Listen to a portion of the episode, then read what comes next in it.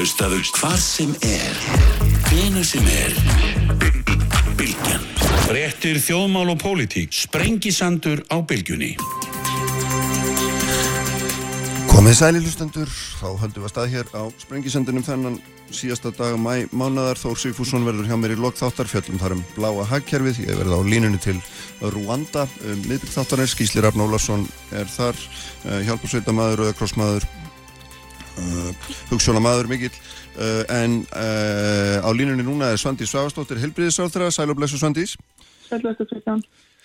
Uh, Við ætlum aðeins að, að hérna, fjalla um COVID-málunni eins og eðlilegt er og ég ætla að byggja aðeins að, svona, ef við horfum saman aðeins á þessa síðustu 2-3 mánuði sem að, hérna, hvernig myndur þú lýsa þessu, þessum tíma? Mm, ég held að, sko, ég hef verið að hugsa svolítið um það, sko, hver, hver væri yfirskriftinu að þetta væri fyrsti kaplinn í, í lýsingun á því hvernig Ísland tóst á við uh, COVID-faraldurinn og þá myndi við, myndi við kapli geta heitið allir lögust á eitt.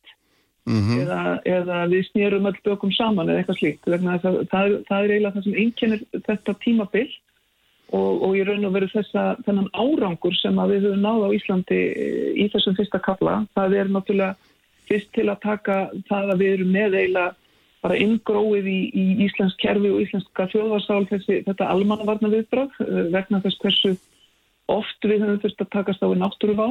Þannig við eigum alveg gríðarlega öflugar áætlanir þar sem að uh, almannavarnir og sóttanarleiknir eiga áætlanir uh, lang, sko, langt ára byll sem er gripið til þegar við erum komin í heimsvaraldur og í aðranda heimsvaraldur og þess vegna er það þannig að ég er raun og verið komin með í hendurnar uh, gögn og mat á, á því hvað er framöndan rífilega mánuði áður en fyrsta smitikinn til Íslands Mm -hmm. Þannig að það er, það er svona kannski það fyrsta en, en síðan er það hvað þetta hefur gengið vel líka kakvart um, helbriðskerfinu og kakvart uh, þessum, uh, þessum miklu skimunum hversu vel hefur gengið að koma nöðsynlegur lagarsetningu í gerðum alltingi og svo framvegist og kannski fyrst og fremst uh, það sko hvað Íslands samfélag stóð ótrúlega vel saman um það að, að grípa til þessar ástafana og hvað sótarnarafstafni líka bara þessa persónlegu sem, sem að við hvert og eitt höfum ráðist í bara muna að passa upp á fjallag og búa hendur og, og, og svo framvegs hvernig þetta allt mann hefur gengið. Þannig að þetta er saga af mjög góðum árangri og, og sem að byggir fyrst og fremst á samstöðu. Sko annar, annars konar ángja þessu eru þetta erfiðar ákvarðinu sem þurft að taka og, og hérna, ég mynda mér að það hljóta að verið þegar að munur að banna fólki til þess að, að heimsækja eldri ættingja sína, uh, meina að fólki fari í vinnuna og þess að þetta er ekki ákvarðinu sem mun taka svona um, afnefnir létt út. Nei og, og enda er þetta ákvarðinu sem við þurfum all, öll, sko, erum verið allar að taka til endur skoðanar, við þurfum að setjast yfir það og hafa beinin í það að horfa á allar þessar ákvarðanir og vega og meta hvort að þær hafi verið réttar. Uh, þær eru allar teknar miðað þær fólksendur sem að þá líka til grundvallar. Hvað finnst þér í dag að þú horfið til dæmis á heimsóknabannið? Um, sko, heimsóknabannið er þannig að um það er tekin ákvarðun af hjókunarheimilunum sjálfum á grundvalli mm. leiðbeininga frá uh, landlækni um umgengni í raun og veru við þá sem eru undirleikjandi sjúkdóma og eru viðkvæmur hópar eins og það var kallað. Uh, ég átti stund með uh, samtökum fyrirtækja velferðarfjónustu núna í, uh, á fylgtudaginn í síðustu viku og það rættu við það að, að við myndum nálgast þetta eða þessi fyrirtækin myndum nálgast þetta með öðrum hætti núna og, og kannski þá frekar svona það að það eru gert með mildilegri hætti þetta, þetta heimsóknapann mögulega væri þá hægt að sjá fyrir sér að það var hægt að beita því sem kallaði sótt kvípíi gagvart einhverjum uh, ættingum sem væru þá heima hjá sér og uh, kæmu á hjókunum heimili mm. uh, væru ekki innan um aðra að öðru leiti og ímislegt þýmlíkt en, en þau tjáðu mér það á, á þessum fundi að þau hafa uh, nálgast Háskóli Íslands með það að, að fara í einhvers konar svona heilsuhagsæðilega úttækt uh, á þessum, á áhrifum þessa heilsóknabans og, og voru, við vorum sammálum það að þetta væri það sem við myndum endum þetta Uh, við höfum líka þess að ræða það sem hefur komið í ljós eftir því sem að faraldurinn hefur undir fram að það er þessar staðrindir sem að lúta að börnum uh, að það hefur komið í ljós að, að allt sem að uh, sótarnalækni taldi í byrjun faraldusins þar segja að, að þetta smittast lítið millir barnabötn er það lítið veik og þau smitta aðra eh, nánast ekkert að þá myndi við mögulega nálgast það með öðrum hætti eh, þessi takmarkarnar og skólastarfi sem ráðist þar í. Þannig að, þannig að það er svona ímislegt sem að við vitum betur núna og myndum gera öðruvísi. Mm. Eh, mögulega munum við gera það öðruvísi eða kemur til nýrar bylgu eða, eða nýs faraldus á einhverju tægi í framtíðinni. En við þurfum náttúrulega bara að leggja þetta alls saman niður fyrir okkur þegar við gerum uh, faraldurinn upp. Uh, og uh, það er mín afstæð að við þurfum að gera upp svona þennan fyrsta kabla uh, þó að við séum ennþá í glímunni.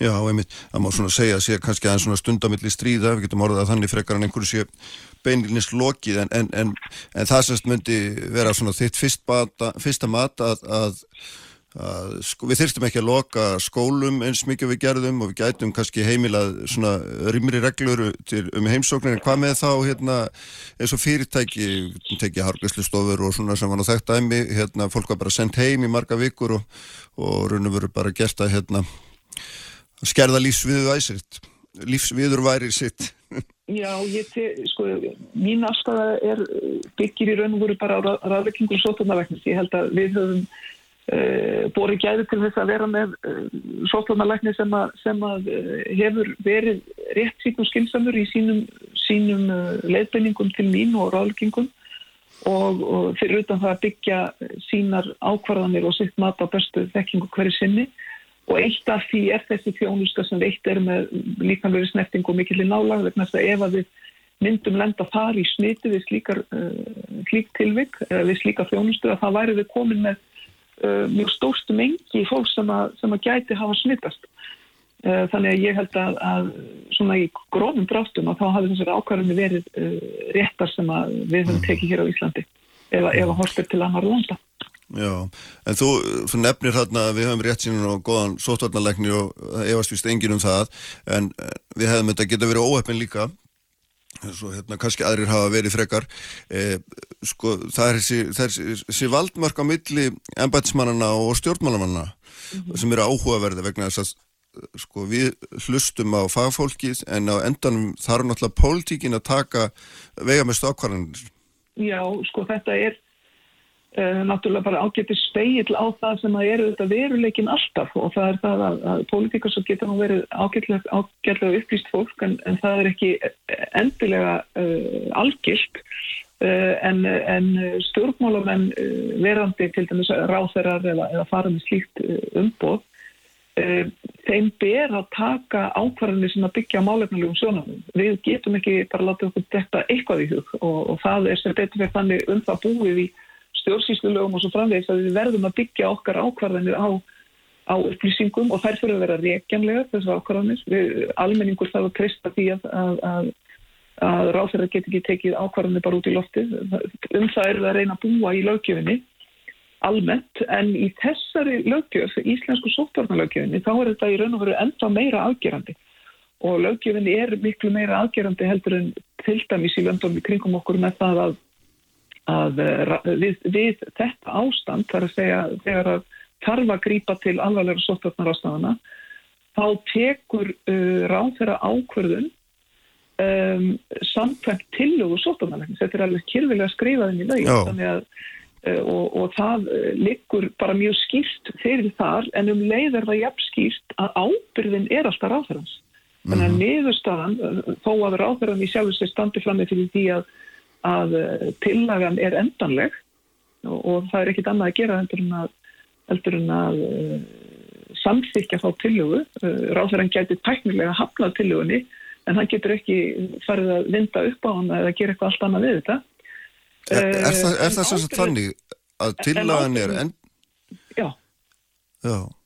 Þannig að hún er endanlega, þú getur annarkvært hafnaðinni eða sinjaðinni eða samþygt en, en ekki, ekki sagt hérna, ég vil hafa þetta örlítið öðruvísi Í raun og veru ekki sko, en auðvitað er þetta þannig, sko, og þá er ég bara að tala um hvað lagana hljóðan, sko. Aha. En auðvitað er þetta þannig að, að þegar við sóttum að lækni tölum saman oft og dag, að þá erum við að ræða saman um það sem hann er byrjaður að setja í næsta minnisblad til mín mm -hmm. skilur þau, þannig að þetta er ekki þannig að hann sé lokaður eitthvað stæðin og skrifstofu og skrifi mér bref og ég veit ekki hvað það stendur í því uh, þannig að þetta eru þetta heilmikið samskipti en, en minn, minn svona megin punktur er sá að, að í uh, líðaðis fyrirkomulæginu sem við erum með hér að, að þá er það alveg skýrt að framkvæmtavaldið telur í sér ábyrðina á ákverðinni mm. Mm. alveg sama hvernig hún er raun og verið tilkomin hvort það er samkvæmt sótvarnalögum eða öðrum lögum að þá ber uh, ráðverðan bæði uh, faglega og pólitíska ábyrg. Mm -hmm.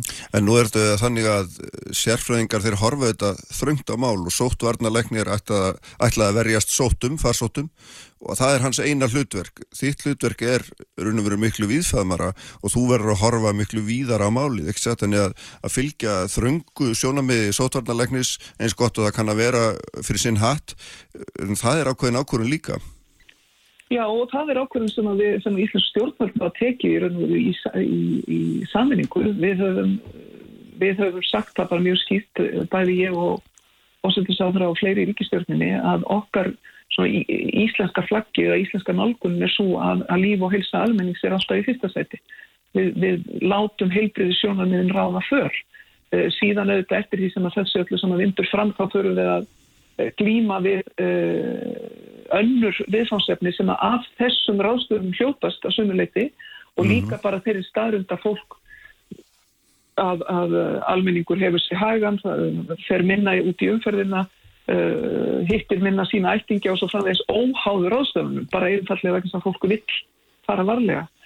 Uh, þannig, að, þannig að þetta er alltaf svona púsl inn í þetta, þessa heldarmynd en, en þetta er mitt verkefni og við höfum sagt alveg skýrt að við viljum uh, láta sótarnarsjónamið uh, ráða og vera nummer 1, 2 og 3 og þau eru það líka uh, í næstu skrefund. Mm.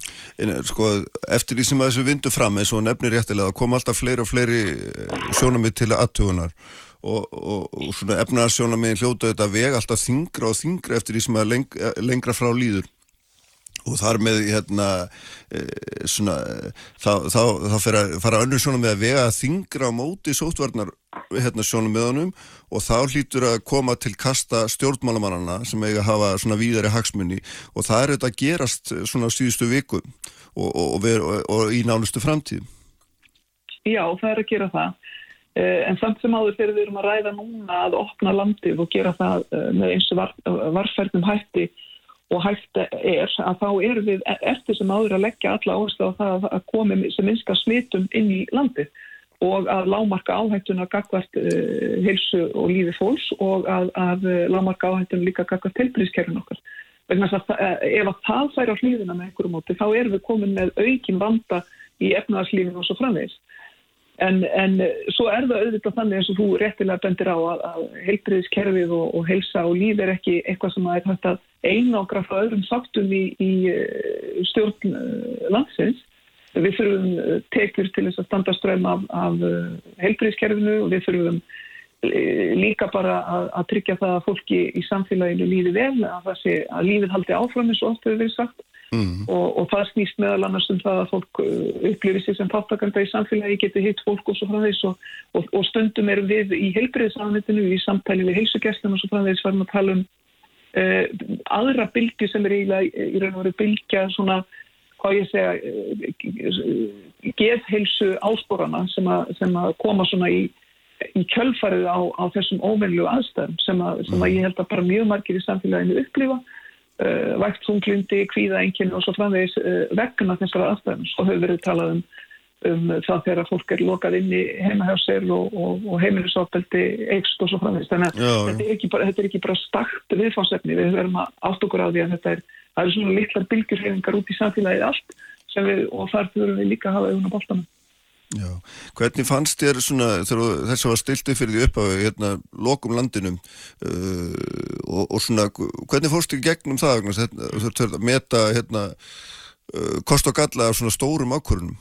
Já, sko ég, þessi tími er náttúrulega bara stórfyrðulegur og ég held að allir upplifið það og þetta verður tími sem við munum tala um eh, lengi eh, eftir því sem að ári líða eh, og ég held að við upplifum það öll að þetta er mjög óraunverulegu tími þessum leiti. Við erum að takast á við hluti sem við hefum aldrei trúið að við ættum að, eftir að takast á við.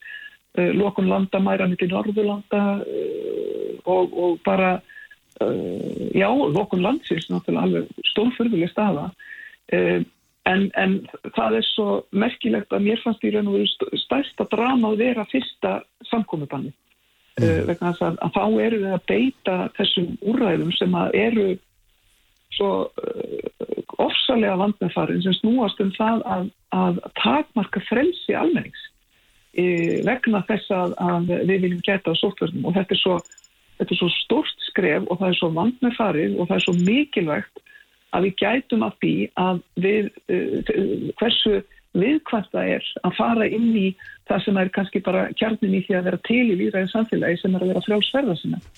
Uh, allt í einu er það heitriðsáðran sem að kvittar undir það að frelsis, þetta frelsis er takmarka og, og við verðum að, að vera meðvituð um það að þegar við erum síðan að, að slaka á takmörkunum aftur er það ekki af rausnið að góðmennsku heldur vegna þess að, að eh, líðræðið samfélög eiga að vera opinn og þau eiga að vera eh, frjáls og fólk á að geta eh, farið eðlega um og það, það þarf ekki að þakka stjórnvöldum fyrir það að, að stíga þau skref heldur er það sem að almenningur í líðræðið samfélagi eru rétt á. Hérna, sko, hvað, hvað blasir núna við? Nú er þessi dagsning 15. júni, svona opnunadagsning og hérna, Þorul er búin að skila til einhverju bráðabyrða minnisblæði sem ég veit að þú ætlar að hérna, ofinbæra hjá okkur núna og, og segja hvað stendur í því en ég minna, hvað hva svona, ef þú, horfir aðeins inn í þetta, hvað hva, hva ser þið fyrir þér? Um, í þessu minnisbladi eða þessum draugum sem ég kom með núna í hendunar þá er Þórólfur að, að leggja til uh, að, að við uh, höldum okkur við þennan 15. júni uh, að við förum í það að skima hvern einasta ferðamann og, og, og það munum við síðan meta í afnóðum, munum við meta þetta verkefni sem við vindum, því vindur fram þetta er ítalega minnesblæð ég hef áður séð frá Þorlu eh, þar sem að hann er, þetta er raun og veru greinagerð þar sem að hann er að fara yfir líka ímsta uh, aðra valkosti eða aðra stöð, sko, hvað ég segja annars konar nálgun í stöðinni við sjáum hvað er að gerast í löndunum kringum okkur þar sem eru tvílið opnanir í gangi og einslega tímlíkt og hann svona reyfar það og kost og löst á slíkum nálgunum. Við erum líka að tala um það, sko, hvernig eigða að nálgast það þegar að þegar við viljum segja sko, uh, að, að almenningur geti eða, eða erlendir gestir eða Íslandingar sem eru bústundur erlendir geti komið inn til landsins með fullgild uh, vottorð um það að þau hafi annarkort mótefni eða, eða, eða hafi verið neikvæð uh, af COVID-prófi einhverjum dögum áður.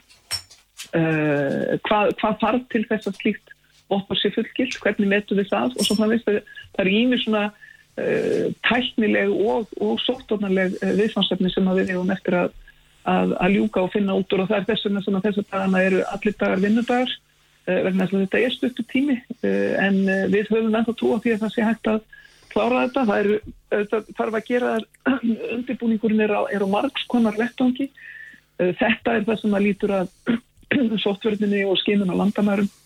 Við þurfum að búa kerfið okkar undir þetta, við þurfum að gera ráð fyrir því að, að við þurfum að undirbúa til dæmis ímis uh, konar hugbúnað og forriðun og svo framvegs uh, en það þarf líka náttúrulega að grípa til ákveðina ráðstafana sem að lúta af, af frumvörpum hjá dónsmála það þarf að tryggja uppbygginguna á keflaugflugli sem er verkefni Ísafja þannig að þetta er á, á snærum mjög margra akkurat núna að, að láta þetta gerast en, en eh, sóstofnarleiknir er, er þeirra skoðunar uh, en þá að gefnum ymsum upplýsingum sem að hafa verið að sapnast upp að, að mm. þetta sé rétt að leiðin. Já, en þetta er náttúrulega, hérna sem að segja, sko, 15 dagar, þetta er bara morgun sem að þetta á að gerast. Já. Kannski ekki allt í einu þetta en, en hægt og bítandi en sama. Já, þetta, þetta er alveg gríðarlega stórt verkefni og, og, og stuttur fyrirværi sem við höfum en en, og, og, og það, ég, ég hef í raun og veru sko samfæst um það að, að þau raukri rétt að það sé betra að gera þetta á þessum tímapunkti heldur en að býða vegna mm -hmm. þess hvað umferðin verður uh, lítil til að byrja með. Uh, vegna þess að við getum svona leitt okkur að, að sjá hvernig þessi þetta verklag allt saman þróast uh, eftir því sem að því vindur fram. Vegna þess að við erum auðvitað ekki að fara að nekla niður þarna einhvert fyrirkonulag sem að verður þar um aldur og Eh, vegna þess að á einhverjum tímapunkti þá getur við sagt eh, þessu verkefni lokið. Mm. Eh, en hvenar það gerist höfum við ekki hugmyndum núna og, og ég hef nú verið að reyna að tilengja mér orðalag sóttánalæknis þegar hann er spurður flókina spurninga þá segir hann bara, já það er ómögulegt að segja. Og það þykir bara gott svar hjá honum þannig ég er svona prófa það bara sjálf. Já, einmitt, en það sem er svona, það sem við vitum auðvitað er að, er að við þurfum að vega með þetta áhættuna áfram og þarna, ég er svona verið að reyna að spyrja fólk að í undanförnum þáttum um, hvað er ásætt til áhætta á að hérna, fá ferðamenn í landi, er, er það í læðisju fimm smittar í flugvel eða, eða má það bara vera einn eða ef, ef það eru fimm verður við þá að loka, ég meina hva, hvernig, hvernig á að hugsa þetta? Sko, þetta verður að hugsa þannig að það og þetta hefur Þórólu mér, þannig nú er ég bara að reyna að segja þetta eins og hann myndi segja það að það fyrir algjörlega eftir því hvernig þessir fimm eru og, og er, er þess fimm e, einn hópur og er það þá klassi mm. eða eru þeir stakir og hér og þar. Þetta er svona eins og munurinn á því ef að, ef að við fáum hópsmitt í, í 200 manna brúkálsvestu þar sem fólk eru búsett út um all land. Eða hvort við fáum hópsmitt e, á, á inn í einni fjölskyldu þar sem allir eru samankomnir og, og, hérna, og, og rakning og sótkví og svo framvegis er einsöld. Þannig að Já. það er í raun og verið ekki hægt að miða við eitthvað tiltekinn fjölda fólks, heldur verður alltaf að vega og meta það hversu uh, líklegt er að viðkomandi einstaklingar uh, séu í færum til að smita, hafi gert það og svo framvegis. Þannig, mm. þannig að við verðum eiginlega að uh, halda bara fókus og og halda fókus að þeirri starfend að fórsendur geta breyst á hverjum degi að við þurfum alltaf að vega og meta á hverjum degi hvernig þessu vindur fram.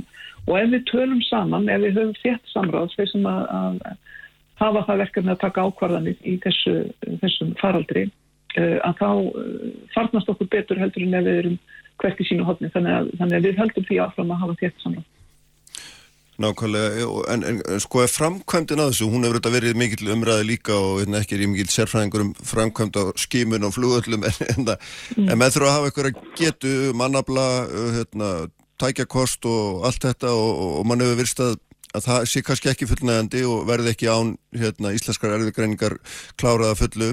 Uh, hvernig stendur þetta? Já, það stendur þannig eh, að, að eins og framkom í, í minnisbladi eða í skýrslu í rann og veru eh, ráðnýttistjóra 11. mæ að, að þá kom fram að, eh, að þessi hugmynd sem er að skima á landamærum að hún, hún í raun og veru um hana er fjalla sérstaklega á þessum fundi með ráðnýttistjórunum og þar kemur fram vilji hjá fórskara íslenskar erðagreiningar að, að styrja við í raun og veru það að koma, hvað ég segi, ítaverkefnum og vör mm. vegna þess hversu bæði eh, öflugu tækjabúnaður er þar fyrir hendi uh, mikil, uh, mikil þekking uh, og, og umbúnaður sem að, sem að gefur tilhefni til þess Þannig að þau, þau samskipti eru komið í gang að undirbúa aðkomu íslenska erðagreiningar að verkefninu að minnstu kosti því að íta því úr vör en samhliða þá verður við að byggja upp greiningaketu um, síkla og verifræði til þær Háskóla Ísland, nei, eh, landspítala mm -hmm. vegna þess að, að uh, það er í raun og verið eins og hefur fram, komið fram í skýslum og núna síðast verkefnistofnarinnar sjálfstætt, uh, sjálfstæði flöskuhás í raun og verið í glímu Íslendinga við uh, faraldra almennt hversu takmörsku greiningaketan er þar Þannig að við þurfum að gera það post sem er og það verkefni er líka komið að stað. Það er að segja að ebla eh, tækjakost og greininga getur verið flæðildar landsbyttar. En, en er þetta ekki rétt skilið samt að við gerum þetta ekki án þessa fyrirtækis ílskar erðagreiningar? Já, sko, miða við, miða við þessa þennan útgangspunkt, það er að segja 15. júni, uh, við ætlum að fara að stað þá eins og kom fram í skýslunni, Já. að þá þarf aðkomu íslenskar erðagreiningar og, og eins og ég segja þar... Og er hún tryggða? Svo aðkoma er, það er vilji íslenska erðagreynda til að koma að því og, mm. og það samtal er í gangi. Það var fundur uh, í kær ef ég veit rétt og, og, og þeim fundahöldum verður haldið áfram til þess að undirbúa mm. þetta uh, undir handarjari sóttandalæknis eins og eins og efnistanda til. Þannig að hérna, þessar deilur sem, eða þessi umræða sem hefur verið síðustu dag, hún, það næsta greiður henni aldrei? Já og ég held að sko við þurfum bara allt okkur af því að þetta er ofsalega stóst og flóki verkefni og við erum að gera alla hluti í fyrsta sinn hér á Íslandi og, og hérna í þessum efnum og það er ekkit skrítið þó að það komi nökrar uh, á, á langri leið upp en ég held að það sé mikilvægt að, mikilvægt að, að hérna, halda fókus og halda rósinni í þessu uh, vegna sem þá hefur okkur farnast best, að, að hérna, taka yfirvegar ákvarðanir og, og hérna, okkar góða samfélag á það skili sem að hefur lagt mikið að mörgum að við, við stillum okkur saman og, og, og eins og ég sagði að, að við höldum áfram að leggjast öll á eitt eins og við höfum gett yngar til. Mm. Það er svona eitt í lokin hérna Sandís að því að þú ert í, í ráðuniti helbriðismála sem er, er svona fjárfrætt ráðuniti og hefur auðvitað haft ímis áform sem að hérna válítið hafa þurft að býða undanfarnar mánuði og nú sjáum við að hallin á ríkisjóði er einhverjum 500 miljardar þess ári og næsta ári samkvæmt hérna fréttum uh, og, og svona maður veldi fyrir sér sko þessar hugmyndir sem hafa verið upp á borðum, minna, er þar allar hortnar, Hvern, hvernig er svo í þínu ráðuniti, hvernig horfir á það? Um, við náttúrulega erum uh, núna að vinna bara á grundvallir fjarlaga þessa árs uh, þannig að, þannig að það, það svo sem hefur ekkert breyst það sem varðar yfirstandandi ár og svo hefur verið bætt í uh, vegna COVID og í aðgerðarpakka 2 ef ég mann rétt og þá var, var, var settin viðbútar fjármakt til að mynda til þess að uh, bæta og ebla geðheilbriðstöðumstu bæði í heilsugjastunni og, og í geðteimunum og og það eh, stendur yfir þannig að við erum í uppbyggingarfasa þar og aukveð sem að hafa verið kynnt til sögunar ímsa framkvendir á heilbriðisviði eh, sem að til að mynda mm. að undirbúa og stendur þetta allt óhagað þrátt fyrir það að við séum að hmm, stendur þetta allt óhagað þrátt fyrir við séum að, að sko dæla peningum út úr ríkisjóðin í framtíðina Já, sko, stóra spurningin er þetta þessi, hversu, hvernig ætlum við að koma okkur aftur tilbaka og, og það er náttúrulega bara stór pólitíska spurningar sem að, sem að það eru undir og, og snúast ekki bara um heilbriðismál, heldur líka bara um að verja velferð, heilbrið og mentun til framtíðar með mm. þetta högg á ríkisöð sem við verum að horfast í auðvið núna.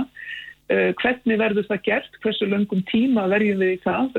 Það er mín afstæða og pólitíska skoðun að við verum að gefa okkur langan tíma í að vinda ofan af höggi sem þessu þannig að það er högg sem að kemur eh, ef markam á höggfræðinga á 50 eða 100 ára fresti en ekki á 10 ára fresti. Mm -hmm. og þá hefur við að gefa, okkur, gefa samfélaginu langan tíma til þess að vinda ofan af því.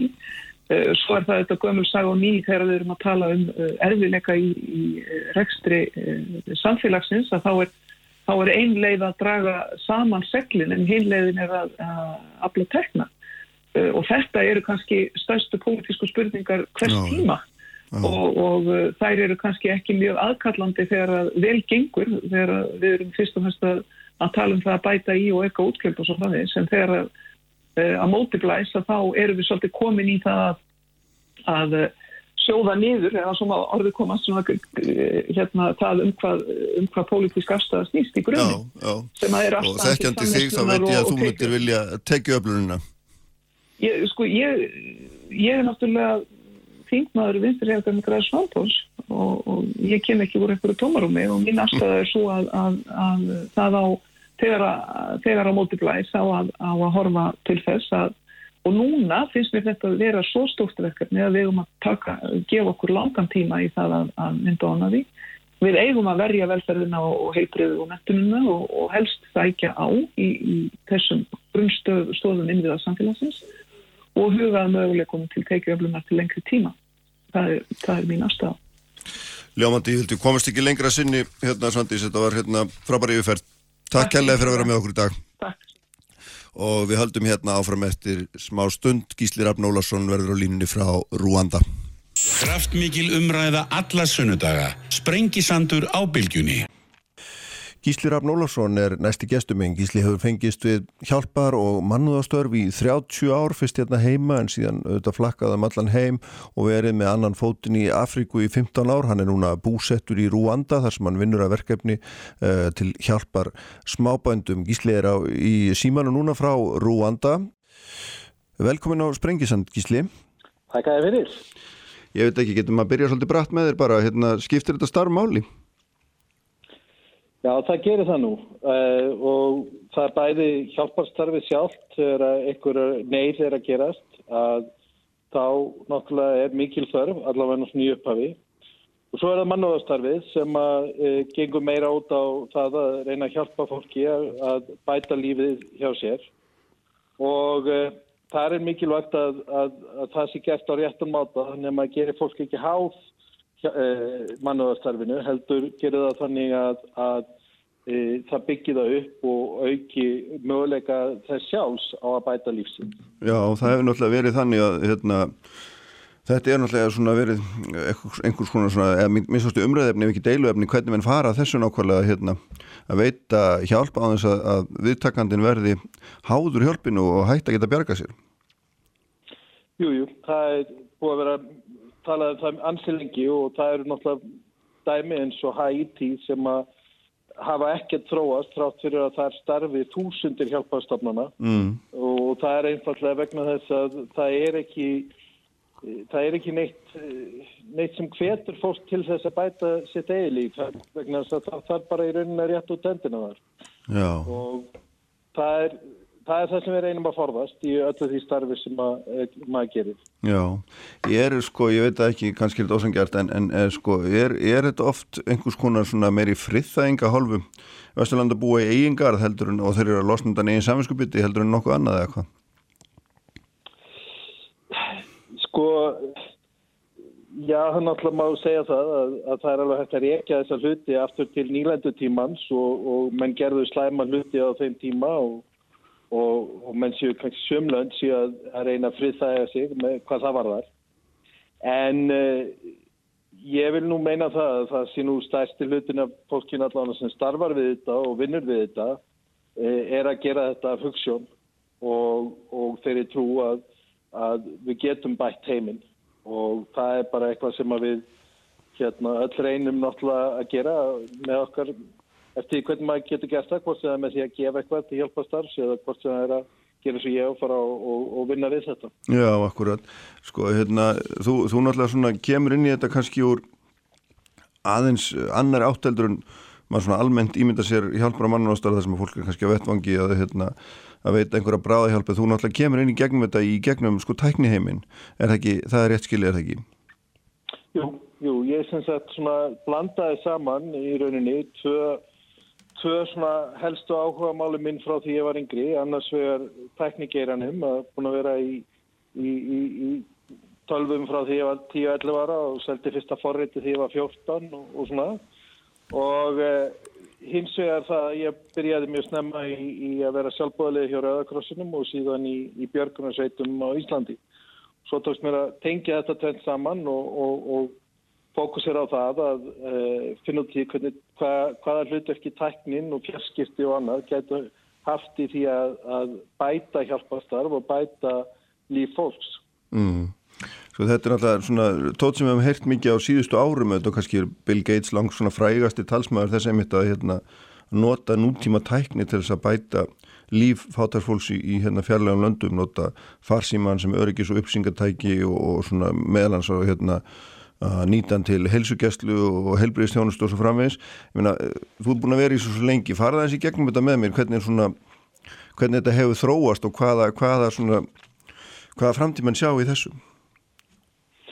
Jú, jú, uh, þetta er tróast mikið. Ég mann þegar ég fór í, í útkall hérna uh, til Afriku í fyrsta skipti kringum hérna 2007 að þá var eina leiðin okkar út í, svona, við vorum langt út á landi í Ghana, eina leiðin okkar til að komast á interneti var í gegnum gerfinhatta tengingu sem var svo hægvirk og kostnaðarsum að það hefði kostað okkur Eh, þú veist, 5, 6, 7 þúsund kall bara að fletta upp rúf eða, eða vísi eða uh -huh. mm -hmm. og það hefði tekið sennilega 40 mínútur fyrir síðan að koma upp uh, þannig að þá voru menn bara með, með gerfinhatta síma og, og, og, og svona þessar tengingar. Síðan kemur ákveðin bylting náttúrulega þegar að hérna farsímanir byrja að koma hingar til Afriku og Asíu og fleiri staða. Uh, og það sem byrjar að, maður byrjar að fá möguleika því að tengjast.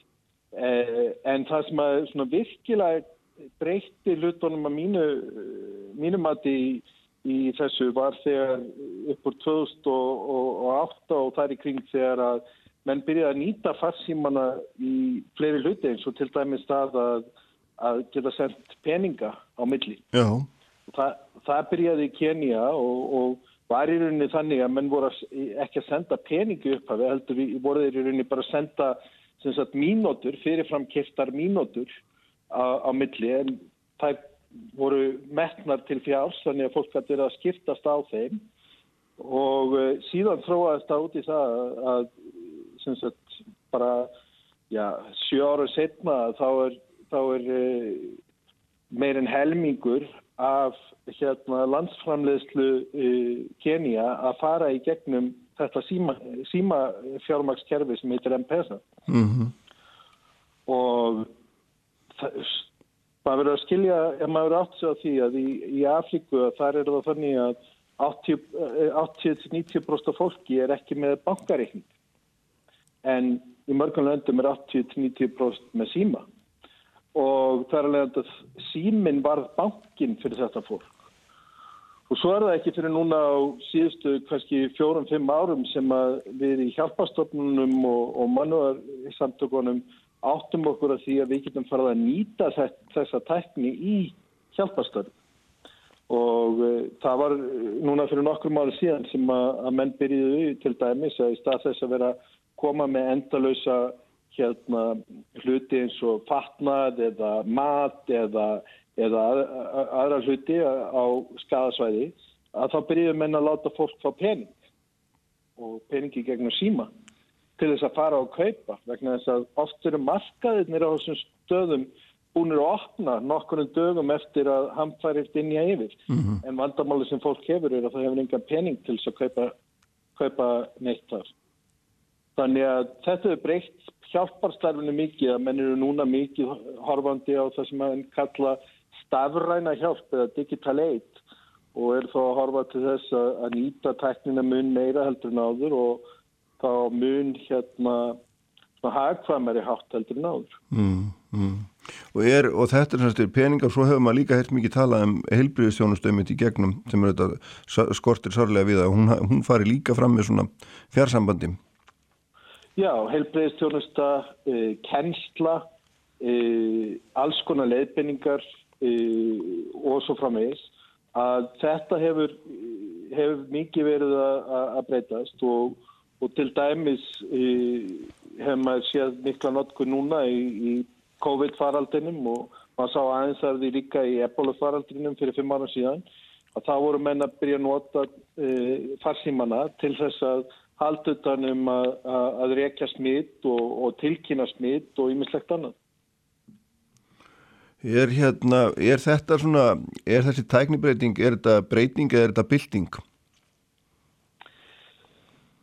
Sko, ég vil meina að þetta sé, sé ákveðin bylting og, og þetta er náttúrulega ekki bara það að við getum notatæknaðar sem hefur líka breyst er að farsíma eign hefur, hefur virkilega farið úr því að vera bara fólki sem átti pening yfir í að, að nú, eru, nú eru símar komni niður í kannski 7-8 dollara þeir ódýrustu mm. Sem gerir það verkum að, að jafnvel fólk sem að lifir á 2-3 dollarum á dag að það, það finnur sér leið til þess að kaupa sér síma Já. og, og síðan hefur náttúrulega líka það gert að á, á þeim tíma núna undanfjörðum árum hafa hefur, hefur tengingin uh, út í svona Uh, fyrir utan borgirnar sagt batnaði mjög mikið. Það var þannig til dæmis bara fyrir fimm áru síðan þegar ég fór, uh, var í vestur Afríku þegar eborufaraldurinn var að, að þá, þá var fínt símasamband að þú varst inn í höfuborgunum og kannski stærstu borgunum í landunum en leiðuðu komst út fyrir það þá var, þá, þá var eiginlengar tengingar mm. en í dag eru eru fjarlægustu svæðin í, í, í þessum löndum orðin vel tengt. Sko þitt hlutverk hefur oft verið að stýra, er það ekki svona uppbyggingu á svona uppsingarkerfum, á, á tölvu uppbyggingu, eða svona fjarskiptakerfum í grunninn, er það ekki rétt? Jú, jú, það hefur mikið verið tengt það, bæði, sagt, bæði að tengja upp fjarskiptakerfi, koma á betra upplýsingaflæði og ímislegt tengt því. Já. og, og, þarna, og þetta er bara svona órofin framfara, framfara vegur sem menn er að fara þannig. Já, það, það koma svona stökk, það er margt að breytast og næstu tveimur, þreymur árum mun, mun nýtt net af gerfinhöttum sem að hérna SpaceX hjá Elon Musk hefur verið að skjóta upp að undarförnu. Það mun til dæmis ná að dekka meiri hlutan af öllum heiminum og, og gefa góða internettingingu hvað sem er. Þannig að það á eftir að breyta því að, að jafnvel það sem ekki eru góða internettingingar í dag að þar munum við geta bara bent upp í loftið og það er gerðin höttur fyrir ofan. Já, þannig að má kannski segja ekki slir ekki að, að því að við byrjum að tala um hjálp til sjálfsjálf bara þessi tækni þróun, hún, hún kannski svona gerir auðveldara að, að hérna, veita hjálp sem að verður til sjálfsjálfbar en, en ekki, ekki, gerir ekki þykjandan háðan. Það er sem betur fyrir að þá bæði hefur tæknin verið að hjálpa við það en það hefur líka verið mikil hugarfarsbreykning meðal hjálpastofnuna og, og mannöðarsamtaka að hætta að vera alltaf að, að, að koma og, og, og gefa eitthvað Uh, og frekar uh, gera það þannig að, að þetta sé þannig að fólk borgi jafnvel fyrir eitthvað en fái möguleika að borga það á miklu lengri tíma heldur en annars væri möguleik. Mm. Þannig að það hefur orðið svona grundvallar viðhórsbreyting þar. Já, mjög mikil, mjög mikil. Ljómandi, hérna við ætlum að gera östu klíagísli og hérna uh, hlustum okkar auðvisingar og svo höldum við áfram að tala saman eftir, eftir, eftir það. Já, sælir aftur hlustendur góðir, hér á Sprengisandunum er ég að tala við Gísla Rapp Ólafsson sem er staðsettur í Rúanda, Gísli er þar að vinna vinna fyrir sjóð sem við tölum um aðeins á eftir sem heitir One Acre Fund og er nú ansi merkilegt fyrirbriði en við höfum svona verið að tala um langan fyrirlands í hjálpastarfi sem skiptir nú ára 20 árið, 30 ár Gísli, sko, hérna við vorum að tala um tæknina og tölvutnar en, en og þó þú sér tölvumadur og hafa kannski þar lendi svona verið ég veit ekki hvað maður að segja, ofta bak við tjöldin í þessum stóru verkefnum sem við verið í, þá hlýtur þetta nú að hafa samt sem áður gríðarlega áhrif á þessi mannesku, það er eiginlega valla annað hægt. Já, það, það gerir það og, og þó, þó svo að maður sé á bak við tjöldin að þá er það þannig að maður er úti í feltinu og maður er komin ofta á, á hamfærasvæði innan við 1-2 sólarhinga eftir að hamfærirna gerast. Og e, þá sér maður oft hluti sem að, að hérna, sitja í manni í, í langan tíma en sem betur fer að þá svona að hafa það uppbeldi, getur við sagt, sem ég fjekk í, í björgunarsveitunum og, og, og sá fókus sem að þar var á áfallahjálp og að tala um hlutina að hann hefur nýst mér mjög mikið í, í gegnum allt mitt hjálparstarf að, að svona takast á við þessa erfiðu hluti mm. Hvað hva svona því að þú hefur þú komst að jarðskjáltarum í Hæti sem verið allir sérsagt munna eftir og þú ert í, hérna, þú varst í Nepal eftir gríðala jarðskjálta þar og þú varst í ebóli faraldrinum í Líberi og svo framvegis og framvegis og framvegis ég meina, hvað að þessu er hvað að þessu var sárast? Ég sko Ég held nú að öll okkar sem að fórum til Hæti og vorum sem hluti af íslensku alþjóðabjörgunarsetinni við munum öll sitja með það sem við sáum fyrsta solarhingin. Það voru 20.000 líka á, á göttunum. Mm. Eh, en ég get eins og sagt það, ég held að það sem að alltaf snertir mig mest í öllu Uh, öllu því starfi sem ég geri að það hefur verið þegar að uh, maður, maður sér eitthvað sem er að hafa áhrif á, á börnin uh, ég fór klætt í nokkru mánuðum eftir að jætskjöfnum var og fór meðal annars þar í, í, í svona hérna á Batma gjörgjæslu sem var í rauninni tjálpbúður sem hefur verið settar upp og það var mjög erfitt að lappa þær í gegn og ég get alveg viðkynnt að maður, maður greitt þegar maður kom út mm.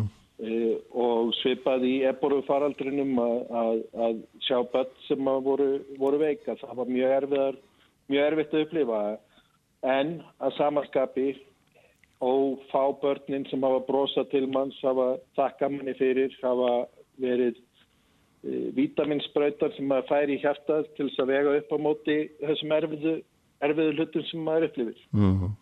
En hvernig handla maður þetta vegna þetta hlýtur að fylla Já, einhver, fylla mann einhverju vonleysir þegar ekki þegar að hérna, kemur ítrekkað svona aðstæðum og, og kannski svona gerir eitthvað en kannski ekki alveg jafn mikið um að vildi.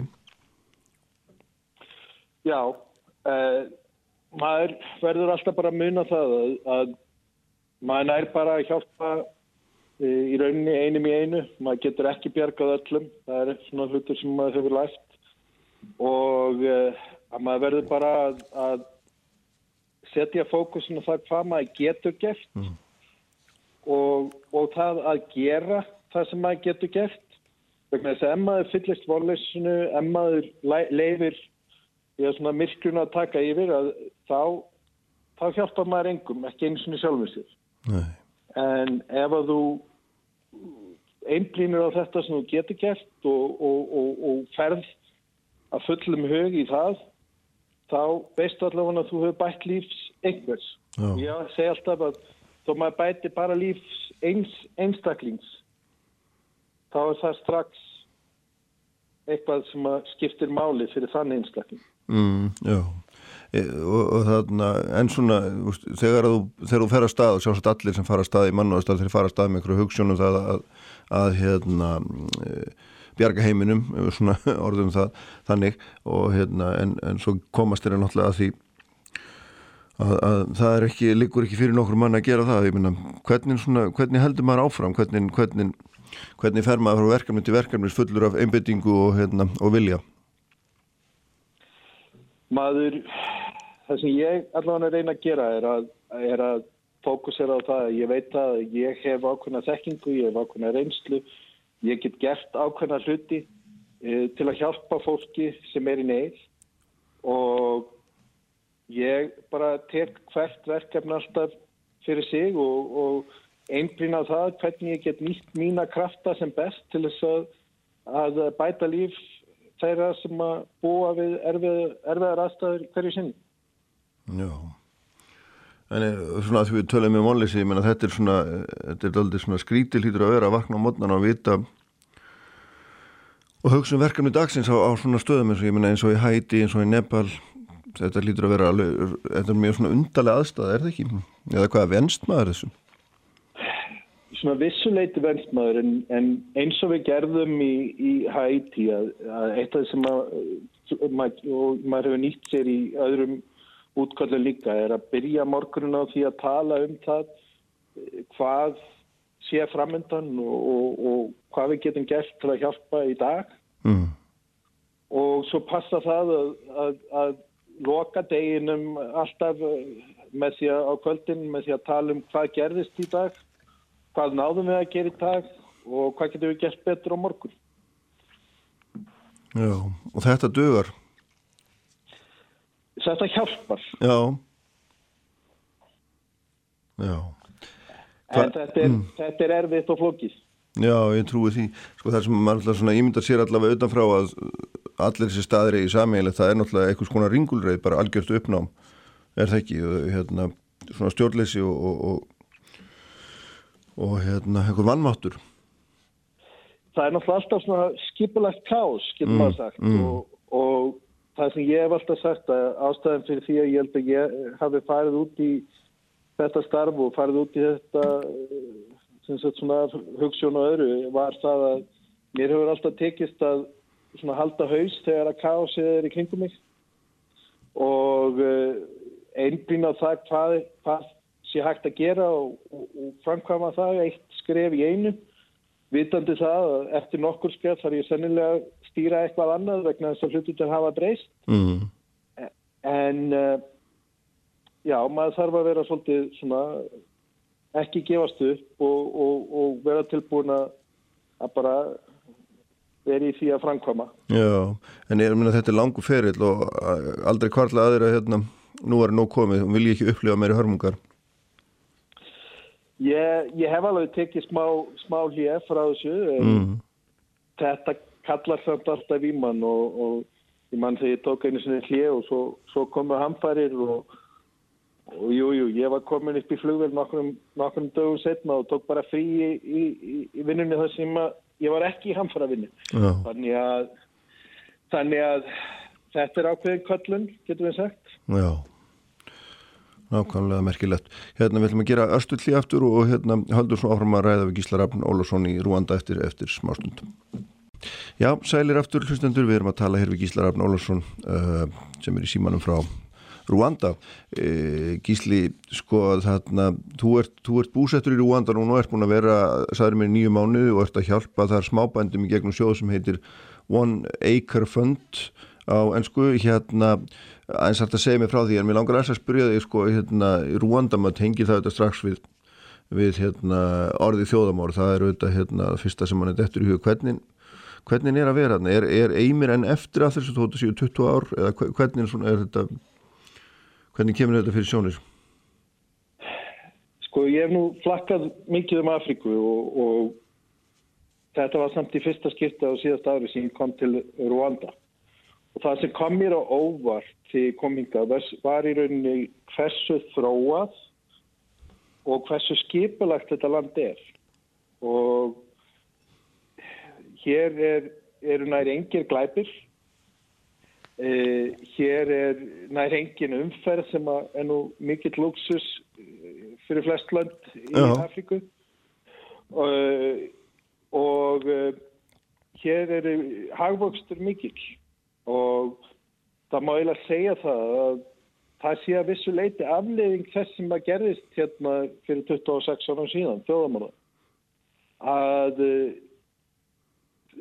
land landið og þjóðin bara kom saman sem einn þjóð gerði upp þessa fortíð og horfið fram á veginn mm -hmm. og uh, fyrir marga er, er, er, er hérna Rwanda kalluð Afrika fyrir byrjandur eða, eða hérna Singapore Afriku uh, vegna þess að, að hér ert með mikið af því sem þú kannski vanur að hafa í, í, í vestrænum löndum en samt er, er Afrika mjög nálagt og ég, ég ger oft grínaði þegar ég lappa út úr húsinu sem ég bý ef ég lappa til vinstri að, þá er það svona meira vestrænt hérna hverfi en ef ég lappa til hægri að þá, þá er ég komin inn í eh, afist hverfi þar sem að, að hérna e, lokallin býr mm. þannig að þú ert með stutt á milli Eh, og eh, en það er, má segja, já, þetta kom manni óvart þegar maður kom inn að fyrst. Já. er í rauninni þróað og, og, og, og skipulagt land. Já, og er það ástæðan fyrir að þú ert þarna staðsettur sem sagt, að það getur unni með þessum, þessum sjóði? Já, þessi sjóður sem sagt byrjaði í Kenya fyrir 16 ára síðan en er núna í 8 landum og tvö stærstu landin eru, eru Rwanda og Kenya og svona að undanförni hefur verið mikil uppbyggingi hérna í, í Rúanda vegna þess að það er auðvelt fyrir okkur að fá starfsfólk inn, auðvelt að fá vegabriðsárreitanir og ýmislegt annað og líka auðvelt að eh, starfsfólk sem við erum að ráða inn að það vil koma til land sem að er eh, svo, það sem hefur ákveðin þægind og ákveðin öryggi og ýmislegt annað. Og í, í hverju fælst þetta nákvæmlega þessi, eða, eða félast verkefni þessa, þessa sjóðs? Við sem sagt vinnum með smábændum og smábændir eru þeir sem að búa á kannski 1-2 ekkurum af, af landi eða rekta, rekta slíkt. E, Mikill fjöldi þeirra lifir við sárafáttækt, lifir sem sagt við undir e, 2 dólar á dag. Og það sem við gerum er að við e, lánum þeim pening til þess að kaupa betra útsæði og betri áburð. Síðan kennum við þeim hvernig þau E, sá því og, og, og, og rekta á, á sem bestan hátt og síðan hjálpum við þeim þegar uppskeran kemur þá hjálpum við að, að finna leiðir til þess að selja e, uppskeruna á, á meiri, meira veriði heldur en venjulega mm. og sem sagt við lániðum og síðan borgaði það tilbaka yfir hérna árið. E, þannig að við náum að keira sem sagt upp starfsemina mun hraðar heldur en ef við værim bara að gefa þeim útsæðið eða gefa þeim hérna e, ábyrðin og að samaskapi er að getum við ekki bara náðu miklum skala heldur líka er það þannig að við erum ekki að gefa fólkinu fisk, við erum að kenna því að veiða Mm. eins og gamli málsátturinn segir. Já, og hefur þetta, sem sagt, þú segir þetta hefur sér búið að vera við líði í, í, í þetta langa tíma, eh, hefur þetta skilað góðum árangri? Já, þetta hefur skilað mjög góðum árangur. Við erum núna að, að styðja yfir 1,1 miljón smábænda og eh, flestir þessir bændur sem við höfum verið að, starfa með, þeir eru að sjá 2-3 földun á uppskerunni hjá sér. Og hvað þýðir það? Jú, það þýðir minni hungursneið fyrir, fyrir fólkið vegna það hefur meira í sig. Eh, Þannig er að selja það sem er umfram það sem það borðar uh, og það hjálpar þeim við að borga hérna borga uh, til uh, hérna fyrir kennslu fyrir börnin Mhm. sem síðan aftur leiðir til þess að, að, að mentuðu börnin, þau fá betri vinnu og geta þar að leiðandi uh, sendt pening, meiri pening heim til fóreldrina og svona ná sér út úr þessu sjálfskaparvíti sem annars er þar sem þú ert alltaf bara að lifa fyrir daginn í dag. Mm. En þetta hlýtur að vera gríðalið þólinn maður vinna að byggja þetta upp á svona löngum tíma, er þetta ekki? Jú, jú, og uh, það, það tekur, tekur á, og, en það sem við erum að gera núna og, og mitt hlutverk er, er, að, er að nýta stafrænu teknina meira í, í þessu starfi og, og gera það að verkum að við getum á næstu tíu árum farið úr því að, að vera með miljón bændur upp í að vera með tíu miljón bændur. Sko, hérna, rétt áður við, áður við hérna, slítum þessu það, er, hérna, þá er þessi koronaveira sem er náttúrulega allt um líkjandi og, og auðvitað löngu komið til Afríku og menn hafa miklar áhyggjur af henni þar. Uh, en þegar vorum að tala saman um daginn þá saður mér að Rwanda væri með allt á hreinu þegar þessi kemur, það var alltaf merkilegt. Já, Rúanda er svona undantekningin í, í Afriku hvað þetta varðar. E, í fyrsta lagi tóku þeir mjög hart á þessu leið og, og hún byrjaði að koma inn með, því að, með því að setja útgöngubann og, og, og prófa alla sem kemur inn til landsins og, og svo frá meðis. Þeir búa líka við það að vegna þjóðvarmorðana fyrir, fyrir 26 ára síðan að þá eru þeir með mjög gott DNA eh, hérna, rannsóknastofi hér sem var notuð áður en að COVID eh, kom upp til þess að bera kennsla og líkamsleifar þeirra sem voru drefnir í þjóðamálun. Og þannig að það var hægt að snúa henni yfir í að vera eh, að, að taka COVID-pröfur Mm -hmm. og þeir búa líka við það að í næsta nákvæmni í nákvæmland Rwanda er, er Kongo að það er í nokkur ár búin að vera ebólufaraldur þannig að það er búið að vera að þjálfa fólk upp í smitrækningu hér þannig að þegar allt þetta kom saman að þá sem sagt tóku þeir hart á þessu fórið djúft í smitrækningu er búin að framkvæma jafnmörg próf eins og Íslendingar 60.000 próf Mm. eh, og hefur tekist að halda í skefjum útbreyslunni Eh, en það er ekki að sama segja um nákvæmlega löndin. Tanzania til dæmis að þar eru þeir bara hættir að taka próf, eh, hættir að vera með nokkur, hérna, nokkur viðbröð og, og það er að leiða þetta til dæmis þannig að, að, að vörubílstjórar sem er að koma með vörur hingað inn til Rwanda frá Tanzania að þeir eru að mælast nær allir með, með COVID-smitt. Mm. Þannig að það er búið að stoppa það að þeir koma ekki lengur inn í landið. En það hefur svona gert það verkum að tölurnar, að þeir eru testaðilega að koma til Rúanda, að tölurnar hjá okkur halda áfram að hækka en það er ekki neitt samfélagslegt smitt í gangi innan landsins. Já, þetta er náttúrulega stór merkilegt og einhverju leiti er þetta sjálfst vegna þess að fólk er, fólk er vant að hlýða yfirvöldum eða ekki? Jú, það er líka eitt sem er, er hérna, hér er fólk lögklíðið og, og, og, og gerir það sem ég hef sagt uh, og það, það er svona ja, svipað eins og á Íslandi erum við öll almannavarnir að, að, að þá, þá klíða allir hér. Hérna við þurfum að fara að ljúka þessu gísli en svona, ég veit ekki, kannski er það hræðilega ósangett í þinn garðin en eftir út búin að vera 30 árið þessum bransa og þar held ég búin að vera í Afríku hist og her undan gegnum 15 árum svona á og til, ég meina, ég veit ekki, hefur verið til einhvers barist allar þennan tíma, ef maður getur spurtið að því í lógin?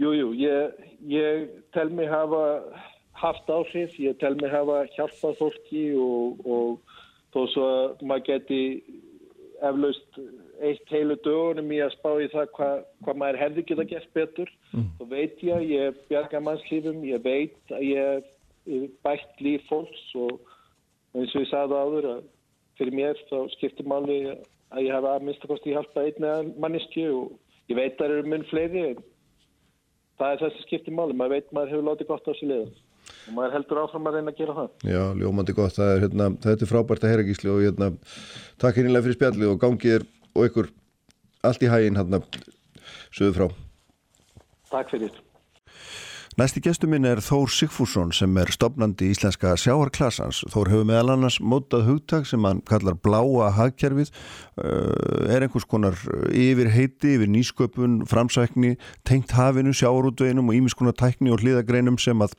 sem að skapast út af sjáarútvegi. Velkomin til mig Þór. Takk fyrir. Uh, byrjum aðeins á þessu hérna, hugtaki bláa hagkerfið sem er, er þín smíð. Uh, sko hva, hvað er þetta og, og af hverju eru við að skilgreina það sérstaklega hvað svona, hver er tilgangurinn?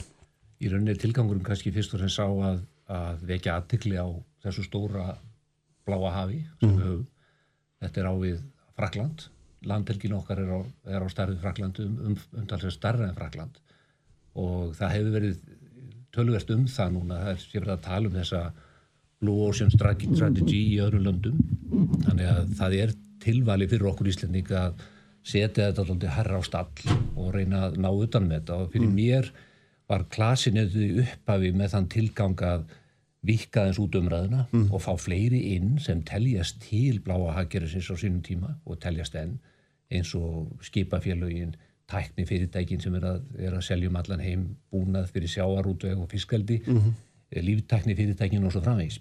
Þetta er einn stór svona fjölskylda og við vildum ná utanum hana það hefur gengið vel mm. en mér finnst við hafa ennþá ótal tækifæri til þess að vik út ennþá frekar Já, einmitt, þegar maður, svona, hérna, þegar maður les það sem við skrifað bækur, greinar, þá, þá svona, fer maður auðvitað að hugsa með sér þetta er svo gráiflagt, akkur eru við ekki miklu lenga komin þetta við erum með tilunarstofuna við eldúrstinnar og höfum alla tæknina eða minnst stóran hlutafinni, þekkingu á veiðunum, vinslunni, öllu saman sem við þurfum en svona, af hverju eru við ekki reynd komin lengra? Ég held mörguleiti eru náttúrulega komin alveg gríðalega rátt. Mm. Ég held að kannski stóri vandinu sá að viðmið er stundur svo lélegt. Uh -huh. Við erum að bera okkur sama aðra þjóður í sjárúti sem eru með allt nýrum sig og þar sem að sjárúturinn er svona ölmusu grein og uh, það á viðum mjög mikið af þessum þjóðum sem við erum að bera okkur sama við að það er, er bandar að gera mun meira mhm. -huh. og hafa tækifæri til þess en gera það ekki. En við stundum held ég að setjum, lám, setjum viðmið of látt fyrir vikið mhm við getum gert miklu meira og ég held að það sé partur því bara að skapa skapa þessu umræðu um bláa hangeri nú mm, mm.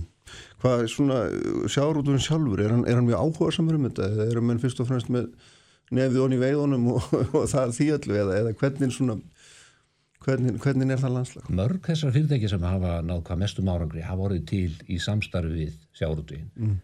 eh, eins og Keresis fyrir vestan eh, hérna og fleiri slík fyrirtæki mm ég held eins og það er að, og áhugin hefur verið þetta er hann bara, það er svo erfitt þegar sagt er sjáarúturinn ég finn mörg fyrirtæki í sjáarúti sem eru gríðalega áhuga er að gera frábæra mm. hluti mm.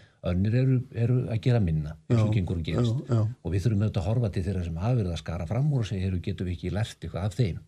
en í grunninn er það samt þannig að í mínum huga er það ekki þannig að útgerðar menn verði apotekarar Það sé að í þessari virðiskeiði okkar erum við að segja við byrjum þetta á hefbundu sjálfdi mm -hmm. og endum svo í fyrirtækin sem er að búa líftækni afurðir úr hafinu. Mm -hmm. Það er allt önnur ella. Mm -hmm. Við eigum ekki að ætla þeim það, en ég heldur að rekna með því. Mhm. Því að þetta er allt aðrar kaupstefnur, allt annars konar mentun sem þarf og svo framvegis. Mhm. Þeir geta hins vegar að bakka þetta upp til að byrja með og það hafa þau sum hver gert. Já, þannig að þetta er einhvers konar, svona, einhvers konar stíi sem maður þarf að fara í gegnum til þess að að úr þessum hugmyndum öllum verði síðan á endanum einhvers konar var eða þjónustu. Það er akkurat og ég held til dæmis að við byrjuðum með að stopna Kotland 2012 mm. með, með Vísi og Þorbjörn í Grindavík 2012-13 þá hérna ætluðum við að fara í raun á þess að hefðbundu kaupstefnur og segja frá því hvernig við varum að fullnýta og svo framvegis. Og uppgötum að þetta var kannski ekki rétt í vettvangurum. Á þeim vettvangurum en fyrst og fremst að, að hugsa um bara tæknibúnaði til mm. að vinna flökin.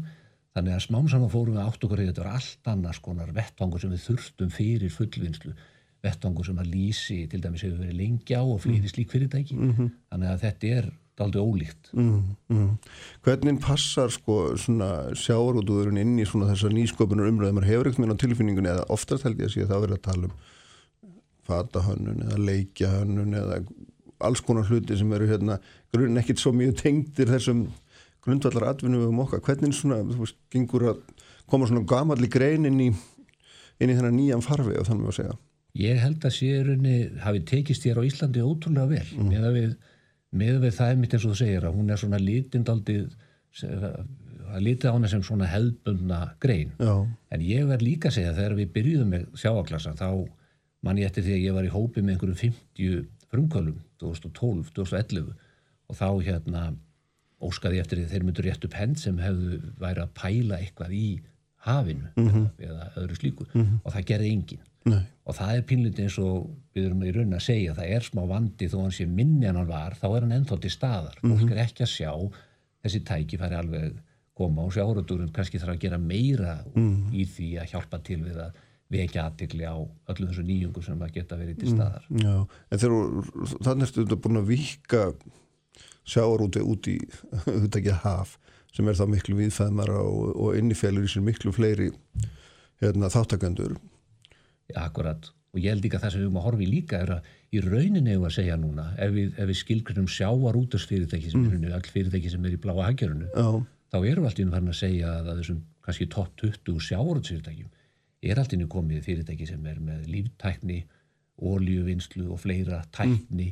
Þannig að ég get alveg ímynda mér eftir svona tíu ár verði tí, topp tíu stærstu sjávarútsfyrirtæki landsins fæst í hefðbundum veiðum já, og flest í öðru er við kemur fullvinnslunni eða tæknibúnaði eða öðru slíku og ég líti á þetta allt sem í rauninni eina heild Mhm. og við erum að gera það sem, sem verður tíður þetta, þetta verður allt annað landslag fyrir okkur í þessum svo kallega nýja sjárúti sem ég vil kalla það. mm og, en þetta hugtak nýr sjáarútuður er, er það eitthvað sem svona, þú notar en, en hvernig gengur að selja, selja það ég, öðrum? ég notaði mikið að notaði engin annar Nei, ég held að sérindar sko, það gerist bara náttúrulega dálítið. Já, og það gerist kannski líka vegna þess að það kemur út fólk inn í greinina Mhm. og það er frábært að sjá sögum að þessum útgerðafyrirtæki sem hafa dreigið mikið af fólki inn, nýju fólki. Og, hérna, og það hefur þýtt að við orðið svona daldi dýnamík og ný hugsun í þessum fyrirtækjum. En hvernig er svona, sko, þegar, þegar að þetta er svona daldi vítt uh, hugtak og svona erum við, að því að erum við fyrst og fremst að hugsa um að, að búa til hugmyndir sem byggja á fái fólki og selja þær áfram? Eða erum við mikið að hugsa um að framleiða vörur, ég veit auðvitað að það er til slík fyrirtæki eins og nefnir aðan hérna fyrir vestan og við veitum að það er á siglufyrði og sjálfsagt miklu víðar en uh, að því að þarna, einhverja takmarkanir eru alltaf í mannfjölda, fjármagni og öðru slíku þegar að þegar kemur að því að búa til vörur fyrir markað. Ég held að þetta sé hvorum tveggja. Þetta er bæði það að við erum að sjá tækifæri því að framleiða vöður á Íslandi og, og gera betur við þar afurði sem við eigum. Auðvitað með þetta, þessi miljón tonn okkar erum við uppgötta marg, mörg tækifæri þar. En ég held líka að sé ennþá gríðaleg tækifæri okkur, tækifæri fyrir okkur til þess að selja þessa tækni okkar og hugbúnað og þekkingu til útlanda. Og það verði í rauninni stærri partur af þessari köku okkar í framtíðinni að verða, vera þeir sem eru bara í fórustu fyrir nýjungar á öllum sviðum, ekki bara í vinslu flaka, heldur í vinslu á öllum hliðarafurðum mm. og í líftækninni og fleiru. Rannsóknum til að mynda. Uh -huh. Stöndum mjög stert af í þar, með að við í rauninni hvað stofnaðar eru litlar, bæði Havró og Matís eru þekktar á heimsvísu. Ég held að þar getum við hérna, spýtt umtalsvert í líka og, og gert þar ennþá öflur í þær stopnarnir á alþjóðavettvangi. mm. Hvernig er svona hvernig endur speglast sko áhugi um að segja utan ríkiskerfisins þar að segja áhugi fjárfesta í þessu er, er til dæmis mikið ellend fjármagn í þessu hér hvernig eru illendi fjárfestar lífeyrisjóðunir þessi stóru bankar er raunverulegur áhugi á þessu eða er hann meira svona í orðina borði? Ég held að sé áhugi fjárfesta. Vandin er hins vegar sá að við þurfum fjárfesta sem eru með líka tengslanett Mm. Og þar koma svona byrjuði tóldu að högta áhuga samir íslenski fjárfestar eru náttúrulega ekki með neina, tæk, neina, neina tengslin í líftækni geiran í, í bandaríkjunum með Európu og þannig að menn eru allir að vilja gerðir en uppgöta stærstu áskorannar okkar líka í því að opna tengingarnar við önnu lönd. Mm. og þá hefur verið draumur okkar um hluta til með því að stopna þessa klassa í bandaríkunum að opna fyrir það að það verði meiri milli mm. og það er svona byrjunarreit en, en það eru þetta grundvalradrið við þurfum að komast inn í þessa þennan hinn heiminn, mm. líftækni heiminn og hilsugeiran og allt þetta með því að fá fjárfesta þaðan inn í hann líka mm. og þetta eru svona óunnið Þetta er óunnið. Oh. Um leið skulum við hafa í huga sem ég hef haft stundum smá ágjörðan mm. að við getum lendi því að það séu komin enga lefi hjá fyrirtækjum við að hagnýta hlut af þorskinum okkar mm. sem eru byrja íslenskri eigu en kunna að verða keift af elendum aðlum Já. og þannig að við uppgötum það að einn daginn að við getum ekki unnið það sem ætlum vegna þess að aðrir aðilar elendir nú hef ég ekkit á móti ellendum vegabrjöfum en samt sem áraða hluti sem við þurfum að hafa í huga já, já. að þetta getur orðið hindrun í framtíðin ef við passum okkur ekki og við höfum haft lag á því að passa okkur ekki í svona málum íslendingar En eh, sagt, þannig að þessi svona að því að það er auðvitað hluti af umræðum íslenskran sjárút og íslenskran fisk er auðvitað það heitir okkar. Og hérna, við sláum einhverju skjaldborguturna það hleypum engum inn í það og svo framvegis. Og það er sem að tegja sig inn í inn í þannig að gera líka þessar svona þessar hliðagreinar og það skiptir auðvitað heilmiklu mála við séum allan að búin að hugsa fyrir því. Já. það sé ekki við séum, við lókum ekki dyrum og hérna og höldum þessu þannig að þetta sé en þá yfiráður rétturinn sé klár. Já en þú um leið tekið eftir því að þú, þú, hérna, þú notar á einum stað sem ég séð eftir því hérna, hugtækið íslensk nýsköpun en hafnar því um leið vegna þess að hérna, öll nýsköpun sé einhvern veginn grunninn alþjóðleg, hvernig er svona samræmur þetta? Ég endur sem ég er að lýsa þessu með til dæmis núna ef við förum áfram í hilsuefnin og líftæknina mm. með, með hafsins gæði þá þurfum við klálega tengingarnar við útlönd mm. við þurfum þessa nýsköpun sem er á eiga sér stað og ég held að lúksusin okkar Íslandinga er þráttur alltaf það er ótrúlega mikið af fólki sem stundar rannsóknir í háskólum og stofnunum sem að hefur uppbruna í sjárúti mm -hmm. og það er dátti einstakt þannig að við erum með miklu meira fólki sem að segir afi og amma voru í sjárúti eða fiskvinnslu og þau hafa þessa tenginga sem við viljum mm -hmm. það skortir dátti úti þannig að við getum klálega komið oft með þessa svona handsonreynslu á móti heilmiklu akademísku starfi sem er átt til stað mm -hmm. og besta er ef við getum farið að lesa þessar vísindagreina sem eru um allan heim búið að skrifa og vinni en enginn hefur framkvæmt. Mm -hmm. þannig að tenging í nýskupunarstarfi við það sem búið að gera ellendis telji þessi alveg gríðarlega mikilvæg mm -hmm.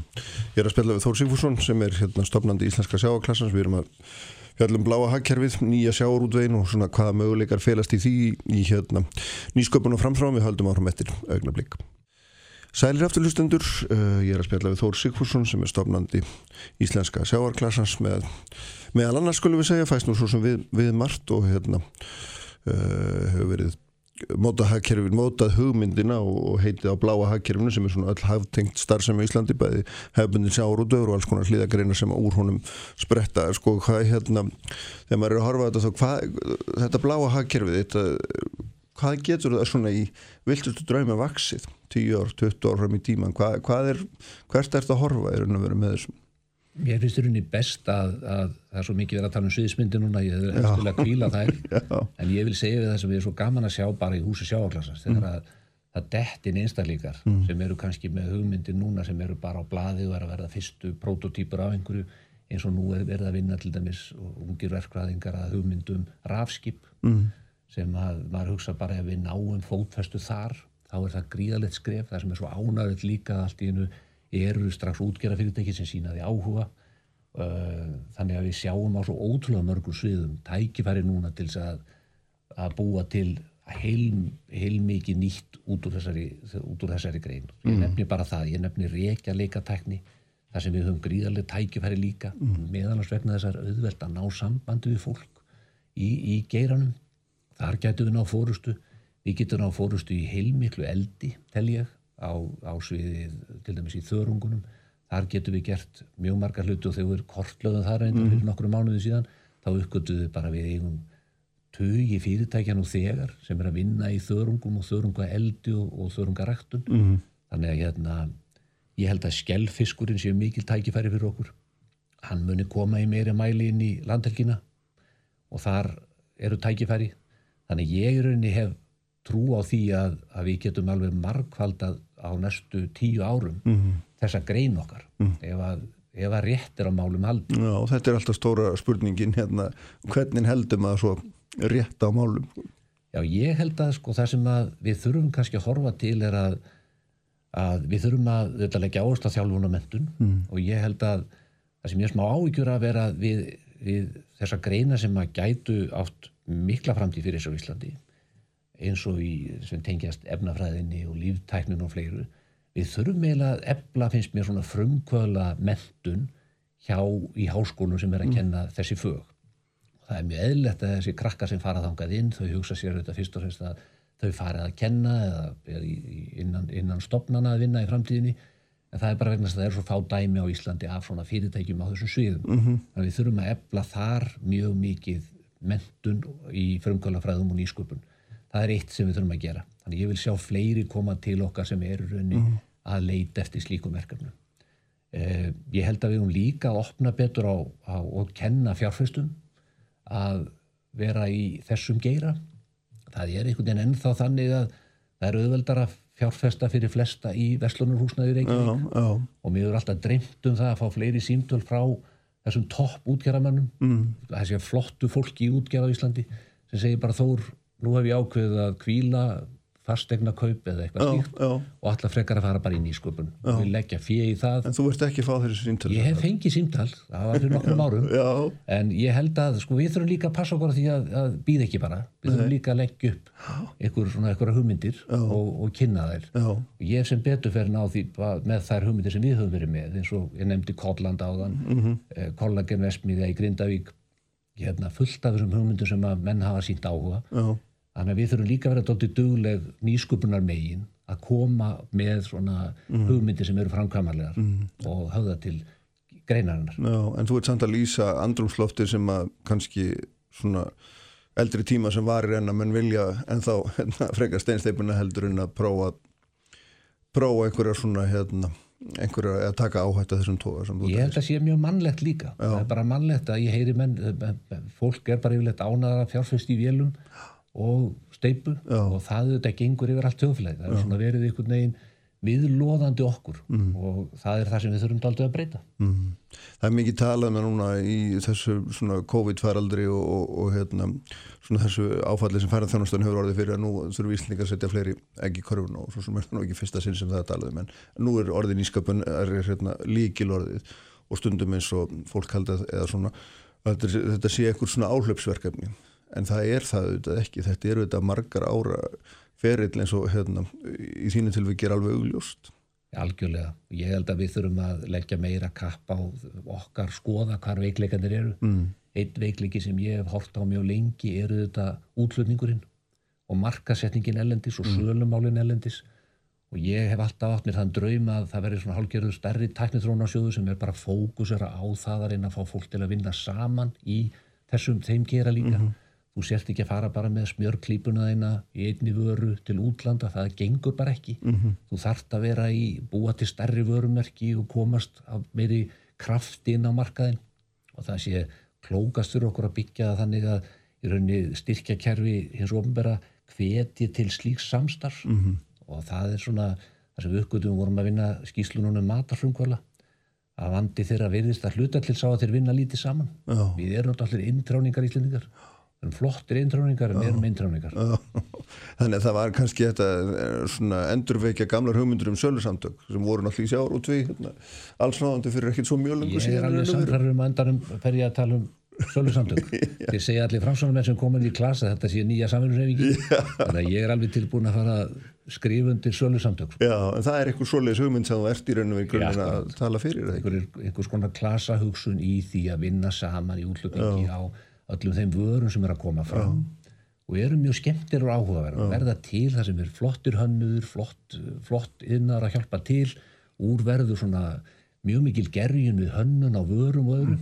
Svo er bara að taka það áfram. Já, e, sko það sem er náttúrulega svona kannski tvent sem að skipti gríðalögum máli og, veitna, við skulum bara byrja á umhverfismálunum.